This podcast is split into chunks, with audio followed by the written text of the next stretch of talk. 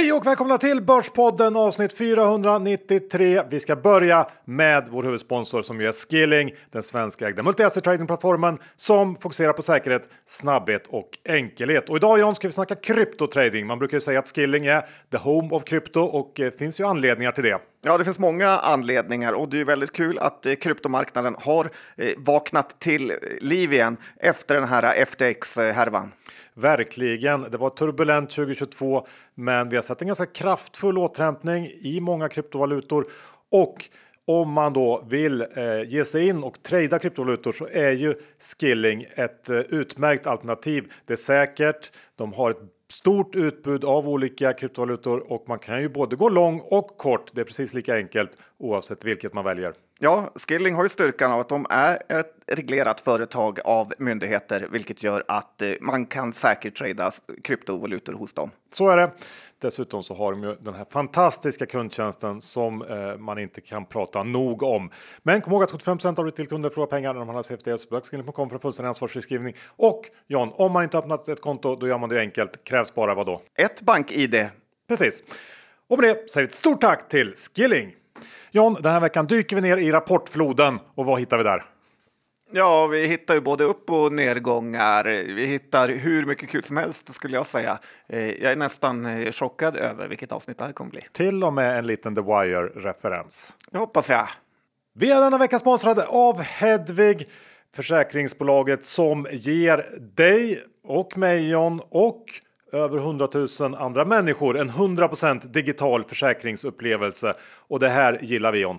Ja, det blir bara dyrare och dyrare överallt här i landet och i världen och då finns det ju ingenting som är härligare än att eh, spara lite pengar på en billigare och bättre försäkring. Precis, och eh, det här eh, hjälper ju Hedvig till med. De genomför en prisjämförelse direkt på sajten och kan också sen hjälpa dig att byta försäkring om man nu skulle vilja byta över till Hedvig så att man slipper prata med sitt gamla försäkringsbolag. Ja, både du och jag har ju bytt och eh, vi är inte missnöjda utan det var en otroligt smidig process eh, där vi båda bytte. Ja, vi är extremt nöjda och man sköter allting via appen hur smidigt som helst. Så om man då vill göra samma resa som du och jag har gjort John du med din borgmästarvilla och jag med min, eh, inte riktigt samma borgmästarvilla, men en villa ändå. Ja, är jag deras posterboy eller? Ja, jag skulle nog säga att du är det John. Och om man då vill ta rygg på eh, oss, då tycker jag att man ska använda koden Börspodden utan prickar över öet. För då får man 50% rabatt i tre månader på Hedvigs försäkringar. Och det här gäller då bara nya kunder. Så att koden Börspodden 50% rabatt i tre månader. Så logga in på hedvig.com och se vilket pris ni kan få. Vi säger stort tack till Hedvig! Johan Dr. Bass eller Dr. Haspin i Saxon. Index är 2214 och det är ganska så positivt där ute nu. Eh, trots att man ändå kan få den här känslan av att nästan alla rapporter underpresterar eh, så går inte börsen ner och det är väldigt eh, förlåtande av börsen just nu. Ja, vi har en så kallad teflonbörs just nu. Eh, och jag håller med dig. Jag tycker att vi har haft en vecka med faktiskt riktigt dåliga rapporter här bakom oss. Men narrativet just nu är ju att det här är botten för bolagen samtidigt som marknaden också prisat in att inflationen kommer ner snabbt och att Fed eh, till att börja med ska börja sänka räntan här runt halvårsskiftet. Eh, jag har väl lite svårt att köpa den storyn fullt ut. Tror varken på att det här var bottenkvartalet eller att räntan kommer att sänkas jättesnabbt. Tycker också att man kan ana en hel del FOMO-köpande där ute.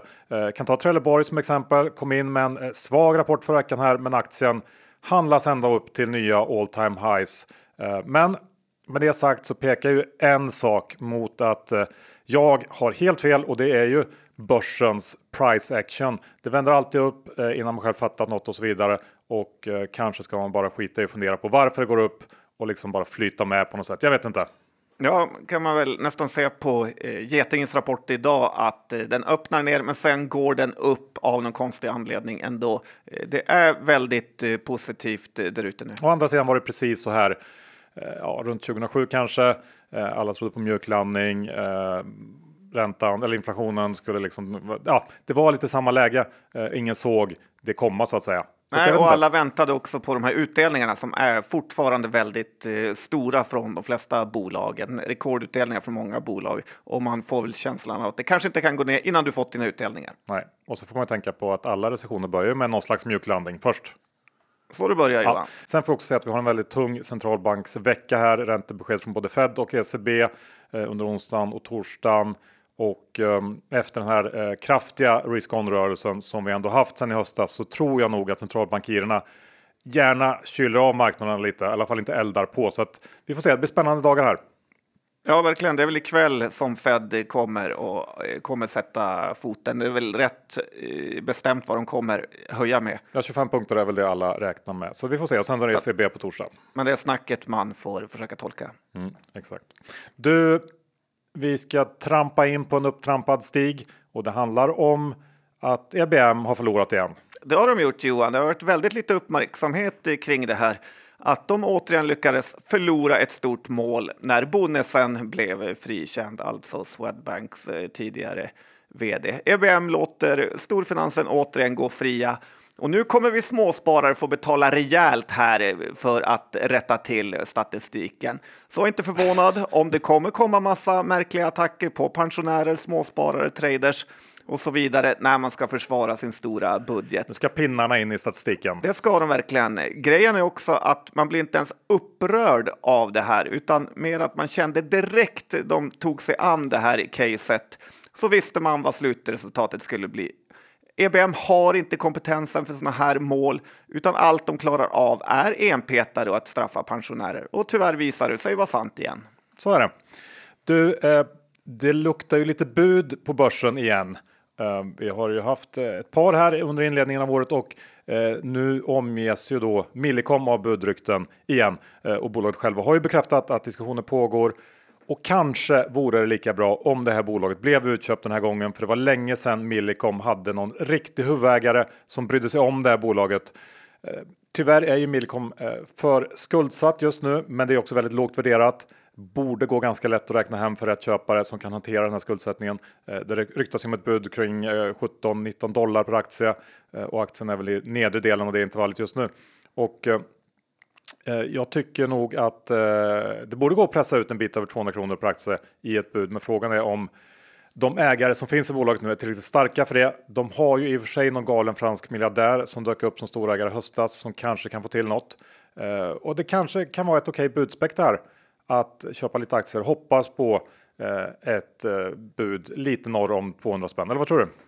Ja, Millicom har ju varit en misär sedan eh, ja, evigheter nästan. Och eh, tittar man även på de här svenska operatörerna, Telia och Tele2, så går inte de bra heller på börsen. Så det är ingen kul verksamhet att vara investerad i just nu. Så lämnar du börsen så är det bara att tacka för de pengarna och gå vidare. Så är det verkligen. Och nu när vi ändå är då i eh, rapportperioden John. Eh, det kom en lite märklig omvänd vinstvarning här i veckan. Eh, vad säger du om den? Ja, vi brukar ju ta upp eh, bolag som gör märkliga saker och i måndag så skickade ju så här sjukvårdsutrustningsbolaget Adwise ut en omvänd vinstvarning eh, som är byggd på proforma-siffror. Alltså att man räknat in förvärv man har tillträtt men inte haft ett helt år som man lägger till vinsten vad det här bolaget tjänat för att eh, som man tycker att det ska skapa en rättvisande bild av intjäningen. Det är rätt offensivt eh, sätt att göra det på. Eh, men det roliga är att det finns ett annat bolag som ganska ofta också gör så här med proforma beräkningar. Och vet du vilket det är? Jag vet inte, någon av förvärvarbolagen kanske? Exakt, Vestum är ju väldigt duktiga på det här. Eh, de här bolagen har den gemensamma nämnaren att Per Ålgren är ordförande i dem, alltså Mangolds ordförande och största ägare. Både Vestum och Adwise har ju körts med väldigt hög skuldsättning och aggressiv förvärvsstrategi eh, som varit extremt lyckad, även om Vestum tappar en del från eh, toppen. Det här är inte riktigt min typ av investeringscase för jag tycker det känns för riskabelt. Men just Adwise har det i alla fall gått väldigt bra för då aktien är upp 12 gånger pengarna eh, de senaste tre åren.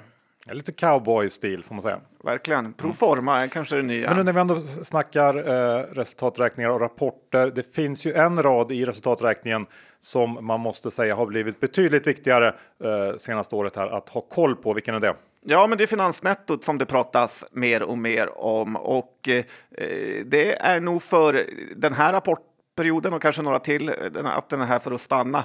Eh, finansnettot är ju för rookies, eh, alltså ränteintäkter minus räntekostnader i resultaträkningen. Och eh, nu har ju räntekostnaderna verkligen skenat eh, under den här rapportperioden. Ju mer skuldsatt ett bolag är, desto sämre blir finansnettot eh, som slår mot resultatet. Då.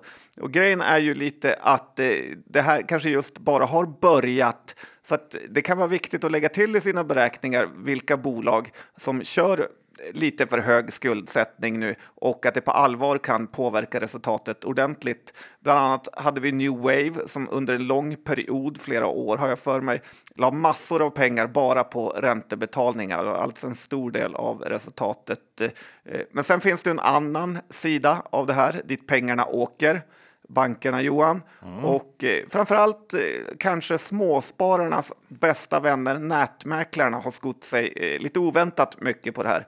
Nordnets räntenetto, läste du den rapporten? Eh, ja, det var ju eh, stort helt enkelt. De tjänar ja, mycket pengar på det. Verkligen. Räntenettot ökar i 172 procent och man tjänar nu mer på räntor än på courtage. Ja, som vdn sa att det är lite gungor och karuseller. Det man förlorar på courtaget tar man igen på räntorna. Ja, eh, känns inte riktigt schysst mot småspararna kan jag tycka och jag tycker att det är lite störande att man utnyttjar spararnas likvida medel för att tjäna brutala pengar när man lätt skulle kunna höja, höja räntan åt dem. Eh, och sen har jag också sett hur fler och fler börjar störa sig på de här olika courtageklasserna eh, som finns hos eh, framförallt Nordnet. Eh, så att jag tycker att de har en bit att steppa upp eh, för att eh, vara småspararnas bästa vänner. Ja, så är det nog. några som också måste steppa upp John, det är ju trippelottorna. Triple Eight. Det brittiska spelbolaget. Ulla Bella bolaget. Ja, men såg du nyheten som kom ut i måndags? Kring... Ja, vdn fick kicken och oro i Mellanöstern. Aktien tokhaverera. Ja, men precis. De har då brutit mot eh, AML-lagar, alltså penningtvättslagar i, eh, på ett antal Mellanösternmarknader och eh, då tvingades då som konsekvens av det vdn lämna och de tvingas också stänga VIP-verksamheterna på de här marknaderna. Och, det är något härligt med VIP-verksamheter i spelbolag. Ja, speciellt i Mellanöstern. och det här sker då bara några veckor efter att Seaphone också meddelat att han kommer att sluta. Så lite svajigt hos trippelottorna. Eh, aktien tappar nästan 30% på det här. Eh, nu kommer spelmyndigheten i Gibraltar där då eh, bolaget har sin licens att utreda eh, bolaget. I värsta fall kan det leda till indragen licens. Men det här fick mig att fundera lite grann kring reglerade marknader, grå marknader, svarta marknader eh, i den här branschen och hur man förhåller sig till det. Vi har ju eh, bolag som Kambi i ena änden som enbart kör på det reglerade spåret och sen kanske man kan sätta då Betsson eh, i andra änden som tar för sig lite mer och kanske också rundar några hörn i den här processen.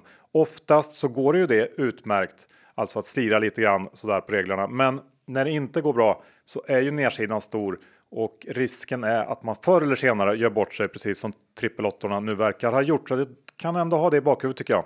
Ja, man såg ju hur till exempel Kindred inte gick ner någonting på den här nyheten, eh, vilket är ett bra betyg åt dem. Betsson tappar väl ändå oväntat lite eh, just här, även om de har verksamheter lite. Eh, ja, det går inte att göra någon, någon sån här eh, riktigt read, read through sådär, men, men ja, man kanske ändå tänker till en gång till när man äger Betsson. Sen är ju Triple Eight ett relativt litet spelbolag ändå. Man förvånas över hur lågt börsvärde de har. Mm. Du, vi har ju Finkampen på börsen och den är ju eh, avgjord. Tyvärr inte till Sveriges fördel. Nej, det är inte så roligt det här heller, för Finnkampen som har varit Finland mot Sverige då, eh, som gäller Ericssons börsvärde mot Nokias, har ju alltid varit en sån här finansklassiker som media brukar skriva om. Men det var då, för nu är förnedringen total. När Ericssons börsvärde är 200 miljarder och Nokias 550. Det är nästan så att Nokia hyfsat enkelt eh, skulle kunna köpa Ericsson nu. Jag tycker Ericssons ledning... Men de vill inte. Nej, det är väl det som är det tråkiga. Men Ericssons ledning borde i alla fall ta, och, eh, ta en titt på vad Nokia har gjort för att vänta eh, sin skuta. Eh, för nu är vi ju redan sämre än Norge och Danmark, det har man ju accepterat. Men att nu Finland börjar utklasa oss är inte en sån härlig känsla. Eh, och sen en annan grej Johan som du kanske kan svara på. Eh, det är ju det här med 5G-utbyggnaden. Du brukar ju säga att den redan är klar. Jag tycker att det inte riktigt stämmer. nästan jämt när man tittar på sin telefon så har man ju bara 4G. Rätt ofta saknas det 5G-nät, så att det borde ändå finnas lite mer att, eh, ja, pengar för de här bolagen ja, att finns, tjäna. Det finns det nog, men, men jag, jag, tror ändå det är så att kanske den här piken av 5G-utrullning eh, är passerad och att vi liksom eh, går neråt nu i utrullningstakt. Det är i alla fall vad ja, många bedömare som kan något säger, men vad vet jag? Ja, de channelchecken. Nej, men det är tragiskt också att det går så dåligt för Nokia och Ericssons kunder som eh, Telia, Tele2, Millicom och så vidare. Ja, det är väl det stora problemet att, att eh, det här med att få 5G och sen ännu snabbare uppkoppling. Det är ju svårt att ta betalt för och det är väl liksom hela kruxet i grejen för Ericsson och Nokia kanske. Svårt att tjäna så mycket mer då. Men eh, vi tar någonting annat. För att i takt med att börsen stiger och allt fler Q4 rullar in så ökar också risken eller chansen, beror på hur man ser det, för att säljsugna storägare genomför eh, så kallade placings av aktier. Eh, vi såg i måndags att Hemnets största ägare General Atlantic tog chansen. De lastade ut hela sitt innehav, 16% av bolaget. Och, eh, Bra efterfrågan där får man säga. Ändå. Verkligen. Uh, och jag förstår ju General Atlantic. Uh, Hemnet kom med en ganska svag Q4 tycker jag. Värderingen är stretchad. Aktien upp nästan 20 i år innan den här placingen då och uh, på ett års sikt så har den i princip stått stilla, vilket inte många andra högvärderade techbolag kan skryta med. Igår såg man hur Tryggstiftelsen vräkte ut 75 miljoner aktier i SEB och som sagt, efter den här väldigt, väldigt starka starten på året så tror jag att det kan finnas fler eh, storägare som är väldigt sugna på att sälja aktier. Vi har ju Truecaller där det finns ett överhäng av VC-bolag som förr eller senare ska sälja. Inte alls omöjligt att få se placings där. I Sint har vi ju motiverade säljare i form av Nordic Capital som eh, sålde ut väldigt mycket aktier i slutet av förra året till hög rabatt. De får snart börja sälja i Sint igen och det kan inte vara så bra läge får man säga då med nej, tanke på hur den aktien har gått. Nej, men de verkar ju inte bry sig så mycket om det. De verkar ju verkligen vilja göra sig av med de sista aktierna också. De har inte så enormt mycket kvar tror jag. Eh, Norska Autostore pratade vi om i höstas. Eh, den aktien har ju dubblats sedan dess och där är ju också ägarlistan fylld av riskkapital med då pressad Softbank i toppen och eh, ja, det, det, finns många sådana här exempel eh, så att jag tycker man ska vara lite vaksam nu på placings. Ja, undrar om Softbank är nöjd med sin försäljning i Sinch. Ja, den blev ju mindre lyckad så det där kan ju också skapa enorma lägen eh, om man är på sin vakt. Nu eh, har vi ju en eh, ny förvaltare i Robur ny, ny, Teknik som kanske kan skapa lite sådana här lägen, eller vad vet jag? Ja, lite så faktiskt. Eh, de har ju bytt förvaltare eh, under slutet av förra året och det har ju verkligen märkts. Det är lite som att ett fotbollslag byter manager mitt under transferfönstret. Eh, det är stora rokader i deras portfölj kan man säga om man följer Holdings. Eh, Sivers har man vräkt ut, eh, många andra bolag med det. Jag tänkte inte gå in så mycket på det, men det jag tycker är intressant är att eh, just eh, Robur har ju lämnat en avsiktsförklaring eh, för att teckna sin andel i SmartEyes nyemission på 1,3 miljoner aktier som man hade då. Men nu ser man istället att Swedbank har vräkt ut aktier och bara har 900 000 aktier kvar. Eh, frågan är ju då om den här nyemissionen är helt eh, säkerställd när Swedbank agerar så här. Lite märkligt. Vi har den vecka med oss vår exklusiva fondsponsor Fidelity. Rickard, den kinesiska aktiemarknaden har varit stark i år. Varför då och vad tror ni om eh, 2023 nu?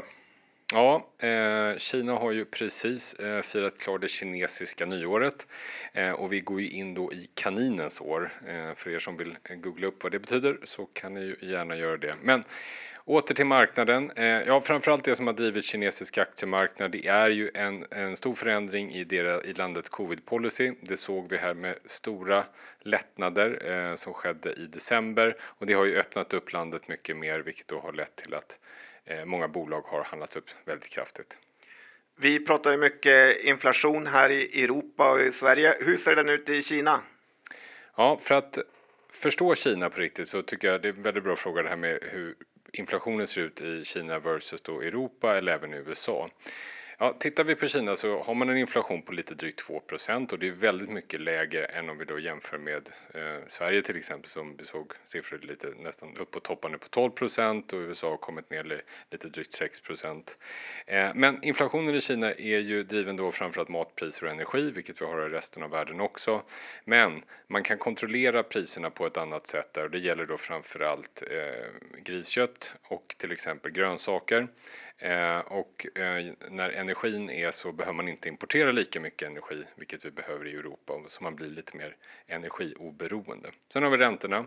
De är fortsatt höga i landet i jämförelse med västvärlden och där har centralbanken också en möjlighet att eh, potentiellt sänka räntor. Då, då. Och det här påverkar ju också då skuldsättningen på hushållen och eh, väst, eh, kinesiska hushåll är bra mycket lägre skuldsatta än till exempel australiensiska om vi jämför i Asien. Så att mycket pengar finns ute på marknaden. Sen är det också väldigt låga värderingar på de, på de kinesiska bolagen eh, och under förra året så var det som så att Kina var ju det landet som vi tror var minst allokerat till i större portföljer. Och, eh, men sen finns det ju också en risk och det är den här ökade smittspridningen som vi tror vi kommer se och där får vi lägga på risksidan hur den kommer hanteras. Vi ska också påminna om att investeringars värde kan både minska och öka i värde. Det kan hända att du inte får tillbaka det investerade kapitalet. Investeringar på tillväxtmarknader kan vara mer volatila än på utvecklade marknader och historisk avkastning är ingen tillförlitlig indikator för framtida resultat. Åsikter uttryckta kan redan ha agerats på. Vi säger stort tack till Fidelity International. John, då ska vi snacka lite om eh, rapporter framför allt tror jag som har kommit in här under veckan som gått. Jag tänker att vi börjar med en småspararfavorit som presenterade sina siffror för Q4 i morse. Tänker på Playden. Playden plöjer, eh, fortsätter ju sin aktiveringsfestival här, även om det inte verkar på... Kanske till och med trissar upp den lite grann. ja, men det verkar inte småspararna bry sig om som eh, handlar upp aktien ordentligt idag. Eh, det är lite svårt att ta sådana här bolag på allvar eh, som skriver hur fantastiskt bra det går samtidigt som det i princip hade varit förlust utan aktiveringar. 22 av 150 miljoner i omsättning är aktiveringar och kostnader och resultatet efter skatt är 18. Eh, det säger ju något eh, tycker jag. Sen tycker jag också man hör lite så här tveksamheter där ute kring deras nya produktlanseringar som inte känns så där speciella utan de har sina dimrar att förlita sig på. Eh, men Play-gänget är nöjda i alla fall den här rapporten, även om jag fortsätter vara lite tveksam. Ja, jag är nog ännu mer tveksam för jag tittar lite på rapporten här snabbt och eh, håller med om det du säger. Dessutom kassaflödet uselt. Eh, intäkterna ska man ha med sig också i Q4 förra året var ju ganska svaga för då var det, eh, lagersituationen hos grossisterna eh, ganska stor så att de köpte inte in så mycket så att tillväxten är kanske inte riktigt heller lika bra som det ser ut här i Q4. Dessutom så såg jag att Plaid faktiskt inte eh, rapporterar tillväxt i installationer här i sin Q4. Det har de ju alltid gjort tidigare och jag gissar att anledningen till att de inte gör det är för att det inte ser så bra ut helt enkelt. Du har ögonen med dig, bra spanat. Ja, så det här är ju eh, antagligen kortsiktig glädje tror jag för de som eh, tycker om det här bolaget. Vi går vidare och jag tänker nog John. Ja att vi ska prata lite om sektorn som Gud glömde och det vet du nog vilken det är. Det är så många när det är, eh, gäller dig. Ja, men jag tänker den som eh, framförallt var i fokus igår när det hände någonting stort. Är det vårdsektorn? Det är det, vård och omsorg. Eh, vård och omsorgsbolagen har ju inte haft det särskilt kul på börsen de senaste åren och den katastrof som då Humanas aktieägare fick uppleva igår hör till bland de värsta jag sett faktiskt. Eh, för de som inte känner till vad som har hänt så handlar det då om att ett, av Humanas dotterbolag fick tillståndet som krävs för att bedriva personlig assistansverksamhet indraget av IVO och eh, måste nu stänga ner den här verksamheten senast den 10 februari. Eh, det här eh, dotterbolaget som eh, verksamheten bedrivs i omsätter nästan 3 miljarder. Analytikerna räknade med att det här området skulle stå för nästan 40% av Humanas resultat i år. Så att man förstår ju eh, kallduschen i marknaden när det här beskedet kom. Och eh, även om... Eh, det, ja, det sjuka var väl att alla trodde på uppköp och eh, den grejen. ja. Det var ju ja, det. och både Attendo och Ambea var upp eh, flera procent. Så att det, det, var ju enorm kalldusch. Ja, verkligen, verkligen. Eh, och även om det alltid finns en risk i den här typen av verksamhet så tror jag att det var få som trodde att Humana då som är marknadsledare inom eh, personlig assistans med 10% av hela volymen i, i Sverige skulle få se tillståndet ryka. Humana kommer ju försöka överklaga det här och det första steget är då att få till en så kallad inhibition och det innebär alltså att man eh, får vänta med att verkställa det här beslutet och att Humana då får fortsätta bedriva verksamheten under perioden som man överklagar. Och eh, det här eh, är någonting som ska ske snabbt eh, så det får vi reda på mm, inom kommande dagar om de kommer att få det eller inte. Ja, för Men, de hade till 10 februari på sig att avveckla. Ja, exakt. Så ofattbart kort tid. Ja, det är, det är kort tid. Uh, när man lyssnar på, lyssnade du på, på konfan de hade klockan fem igår eftermiddag? Uh, nej. nej. Det var en, spännande för att bolaget själva verkar ju väldigt överraskade Eh, och menar att eh, man förstår ingenting. Det eh, handlar till största del om 27 stycken då återkrav. Det är runt 100 miljoner kronor totalt sett som ska återbetalas och Humana säger att det är bara ett av de här återkraven som faktiskt är avgjort, alltså som har vunnit laga kraft. Eh, sen ska det också gälla en handfull medarbetare som på något sätt eh, tappat eller förlorat sitt arbetstillstånd utan att Humana eh, uppmärksammat det och lite andra sådana här incidenter. Så att lyssnar man på Humanas ledning så var det ju, verkade det ju helt galet. Men det ska... Alltså jag fattar chocken när det samtalet, mejlet eller brevet kom. Ja, den var nog, det var inte kul att vara Humanas vd då. Eh, men det här ska ju då ställas mot det faktum att IVO faktiskt anser att Humana misskött sig så gravt då eh, att eh, verksamheten måste upphöra inom tio dagar. Det säger ju också någonting. Humana har också en historik av halv och helskandaler kanske man får säga, tveksamheter. Och man ska ha med sig att den här marknaden för personlig assistans i stort är fruktansvärt smutsig. Enormt mycket bidragsfusk och det är ju någonting som myndigheterna de sista åren lagt mer kraft på att stoppa. Eh, så att det finns ju två sidor av det här myntet tycker jag. Eh, jag gissar att Humana inte alls är oskyldiga i det här. Men eh, om vi fokuserar lite grann på aktien så är ju frågan om den här inhibitionen eh, det enda som betyder någonting kortsiktigt. Får Humana inte det, då är det ju kört. Eh, då måste man eh, avveckla och givet att Humana har en ganska hög skuldsättning så tror jag ändå att det blir svårt att fortsätta utan att ta in nya pengar här. Eh, det här beslutet ska komma inom de närmsta dagarna som jag sa.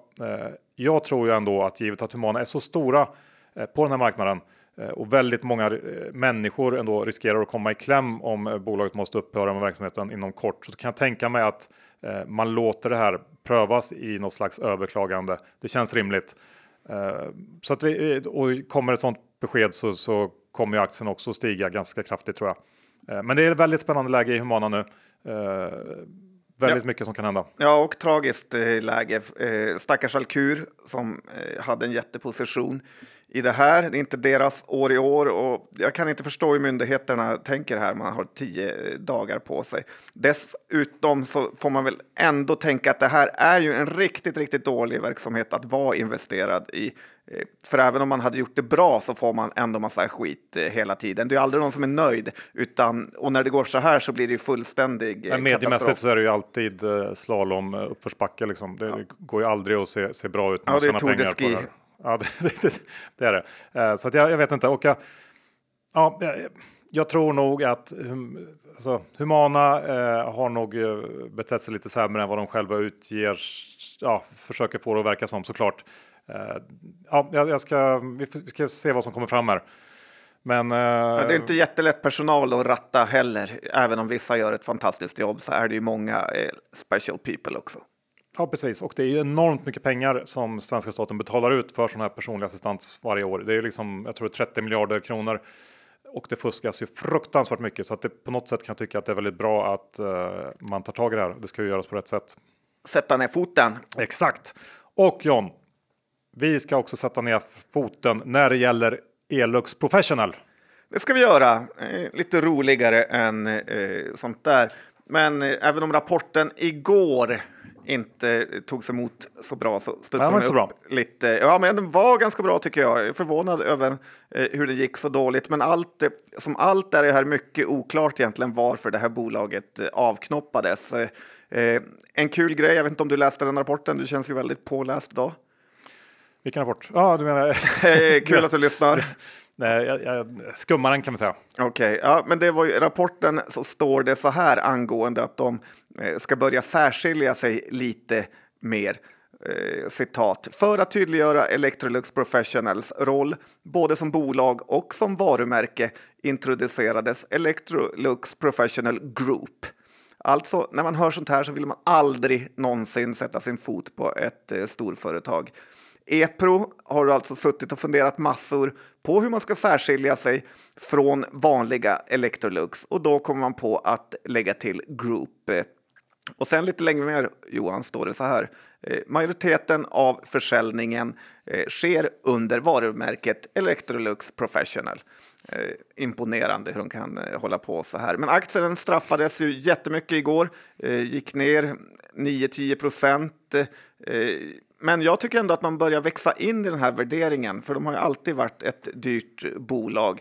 Eh, för 2022 så har man e-, ett eh, P-tal på 21 och jag såg att Nordea tror att eh, de kommer tjäna ungefär 3 kronor under 2023 och då har vi ett P-tal på 15. Det är inte så farligt, eh, för det borde faktiskt vara så att eh, Eh, den här pandemiåterhämtningen kommer fortsätta och att vinsten kommer öka om det nu inte blir en sån här brutal lågkonjak, att ingen äter ute eller bor på hotell. Men det känns inte riktigt eh, så nu. Bra kassaflöde, höjer utdelningen. Eh, till långväskan kan det ändå vara något att sitta och suga på. Det här tyska Rational som Bodenholm PJ hade en karriär inom har ju en svinhög värdering och kanske skulle vara småsugna på att köpa det här. Eh, för det är bara Investor som är stor ägare här och sen följer det en massa fonder eh, som äger och Epro är ju nästan för litet för Investor som har 20 procent eh, Eh, vilket är ungefär 3 miljarder. Så att, eh, det är ungefär en halv procent av Investors börsvärde. Så tänker man själv på hur brydd man är om aktier som har en halv procent av portföljen så kan jag tänka mig att de förmodligen är, ja, kan tänka sig att sälja det här. Och det var väl ändå själva eh, tanken med hela avknoppningen. Ja, eh, men det är väl intressant. Varför inte? Känns som att det kanske skulle passa in i någon större eh, koncern. Så det köper jag faktiskt. Revolution Race tänkte jag att vi ska eh, gå över till. Kom ju med en eh, stark Q2 igår. De rapporterade sin Q2 och um, det var högre omsättning, men lite lägre bruttomarginal eller ganska mycket lägre bruttomarginal och lägre resultat än förra året. Uh, men bättre än analytikernas estimat över hela linjen. Det man ska med sig är ju att den styrkan är väldigt mycket driven av en fruktansvärt stark utveckling i Tyskland där bolaget verkligen lyckats slå igenom här på slutet. Men allt är inte positivt. Försäljningstillväxten mattades av under slutet av kvartalet och det har då fortsatt under inledningen av det här innevarande kvartalet. Under kolet, lyssnar du på det? Faktiskt gjorde jag det, inte frivilligt, men de spelade högt här. Ja. Sa de Dach några gånger? Det gjorde de. Deutschland, Austria, Schweiz. Gustav Fridolin säger Schweiz. Ja, det, eh, men de sa kanske det 40 gånger. Ja, det 50 gånger. Det är en viktig eh, marknad för dem, helt enkelt. Ja. Som det är för många svenska bolag. Eh, men det eh, jag tänkte komma till eh, med kolet var ju att ledningen var väldigt, väldigt sparsamma med information kring exakt vad det här innebar med då en, en, en avtagande eller avmattad försäljningstillväxt. Mer än att de upprepar flera gånger att bolaget fortfarande växer. Jag tycker inte det låter jätte, jättebra. Och kan tänka mig att inbromsningen har varit ganska skarp på slutet. Eh, ser inte det som omöjligt att man ligger kanske kring 10% nu istället för 30% under Q2 eh, som var det senaste kvartalet. Och jag kan tänka mig också att det var den typen av oro som fick aktien att gå från i början av handelsdagen 20% upp till att stänga någonstans runt 6% upp. Och när det gäller då Revolution Race enorma tillväxt och framgångar de sista åren så kan jag inte låta bli att tänka på andra svenska klädunder som kommit gott. Vi har ju Björn Borg, vi har WeSC, vi har Odd Molly, Eh, att nämna några bolag som hittat väldigt rätt under en period. Svea. Ja, ja, nu tänkte jag mer på börsnoterade, men hittat Bläck, rätt. Bläck-Johan, eller var jag som under... det? Ensam. det var väl MQ det. De hittade inte riktigt rätt, de hittade bara dig. Bondelid. Det har um, gått väldigt bra under en period, men haft svårt att hålla i det här uthålligt. Uh, möjligt att det är orättvist att sätta uh, Revolution Race i det facket, men jag gör det ändå. Och jag tror att det finns uh, en ändå underskattad risk att även den här trenden mattas och att konkurrensen tilltar. Så att jag är skeptisk. Jag tror att det finns eh, högre liksom, moderisk i det här än vad många tror. Ja, det var kul när jag var jätteinsatt i Odd Molle, Johan. Ja, precis. Kunde allt om kvinnokläder ett tag. Det kunde du, precis. Eh, men... Och hur gick det förresten?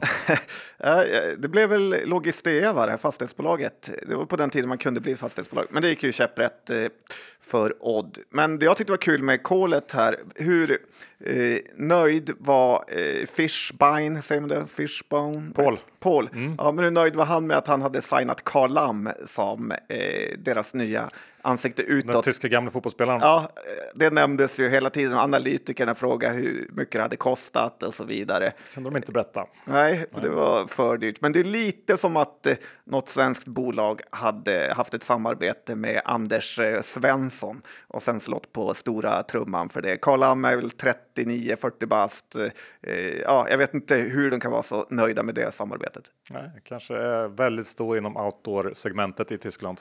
Ja, har du varit inne på hemsidan? Går runt med hundar och grejer. Han bara kuta, kasta sig ner bergslänter med de här byxorna med eh, lappar på. På knäna och alldeles för många blixtlås och fickor överallt som man inte behöver. Ja, där är fällkniven, ja.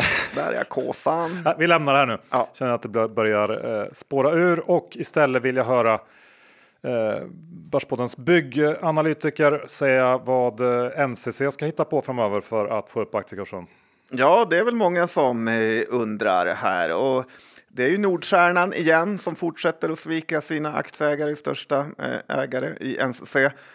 Den här gången var det en rapport med väldigt mycket försämrad orderingång.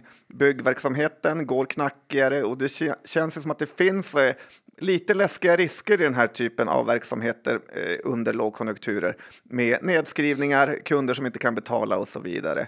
Och eh, det ska väl ändå sägas att NCC inte är ju i närheten ensamma att gå dåligt inom byggsektorn. Peab, Skanska går ju också uselt och eh, ett råd om man ska göra något sånt och man tänkte bygga långsiktig portfölj är ju att undvika byggaktier. När det går bra går det bra för alla och då blir material och arbetskraft eh, bristvara och svindyrt samtidigt som man har tagit kontrakt till för låga priser.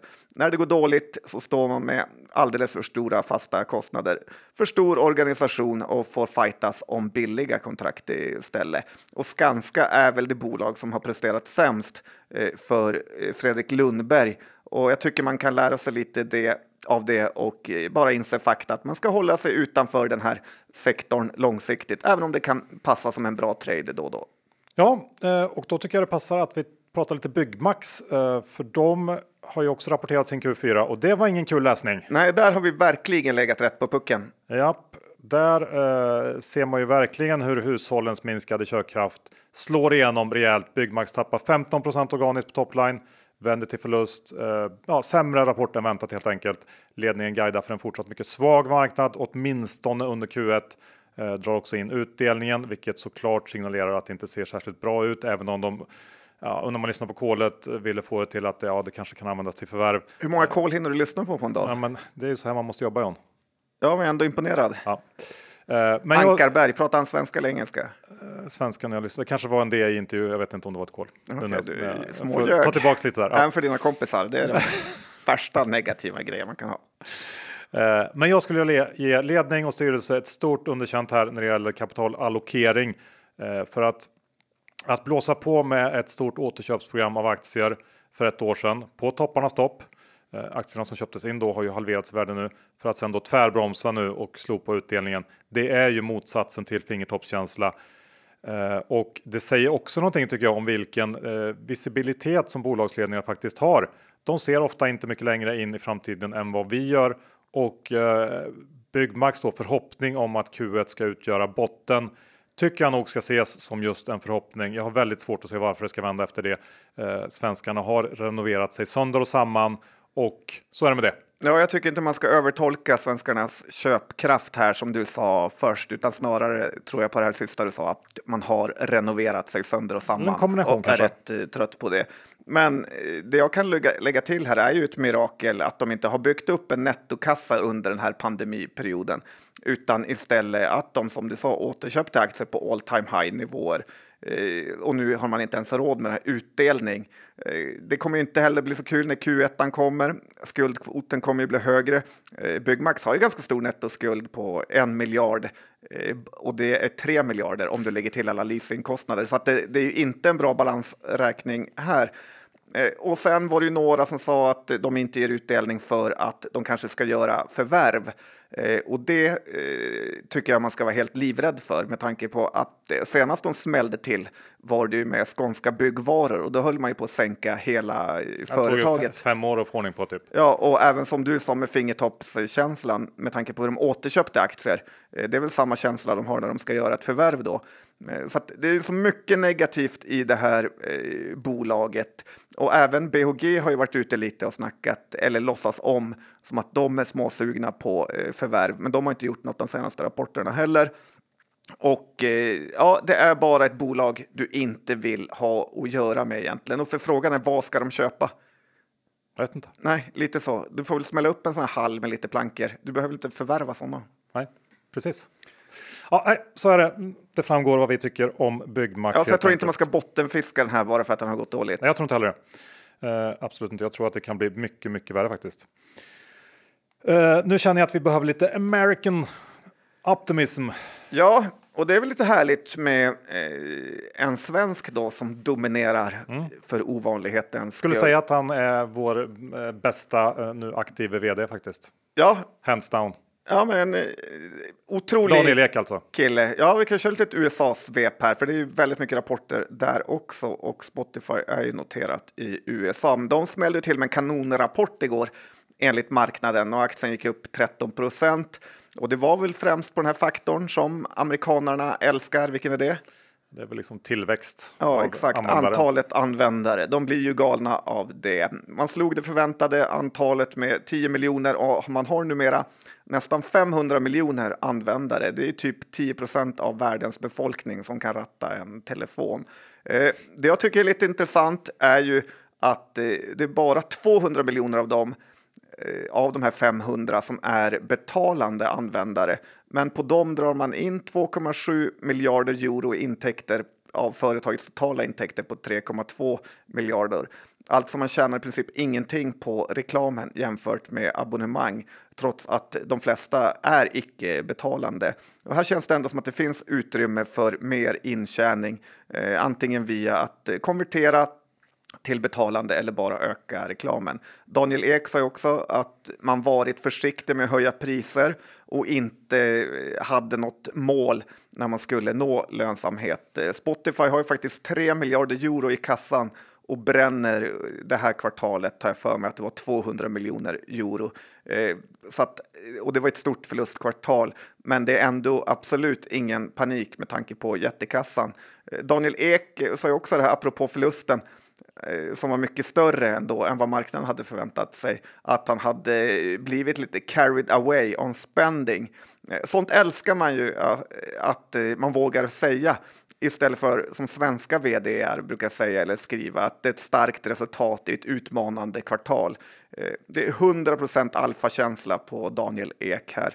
Eh, att kunna eh, liksom våga erkänna lite misstag men ändå veta vad man ska göra åt det. Och nu skulle han snåla in lite grann och att det kommer förbättra resultatet.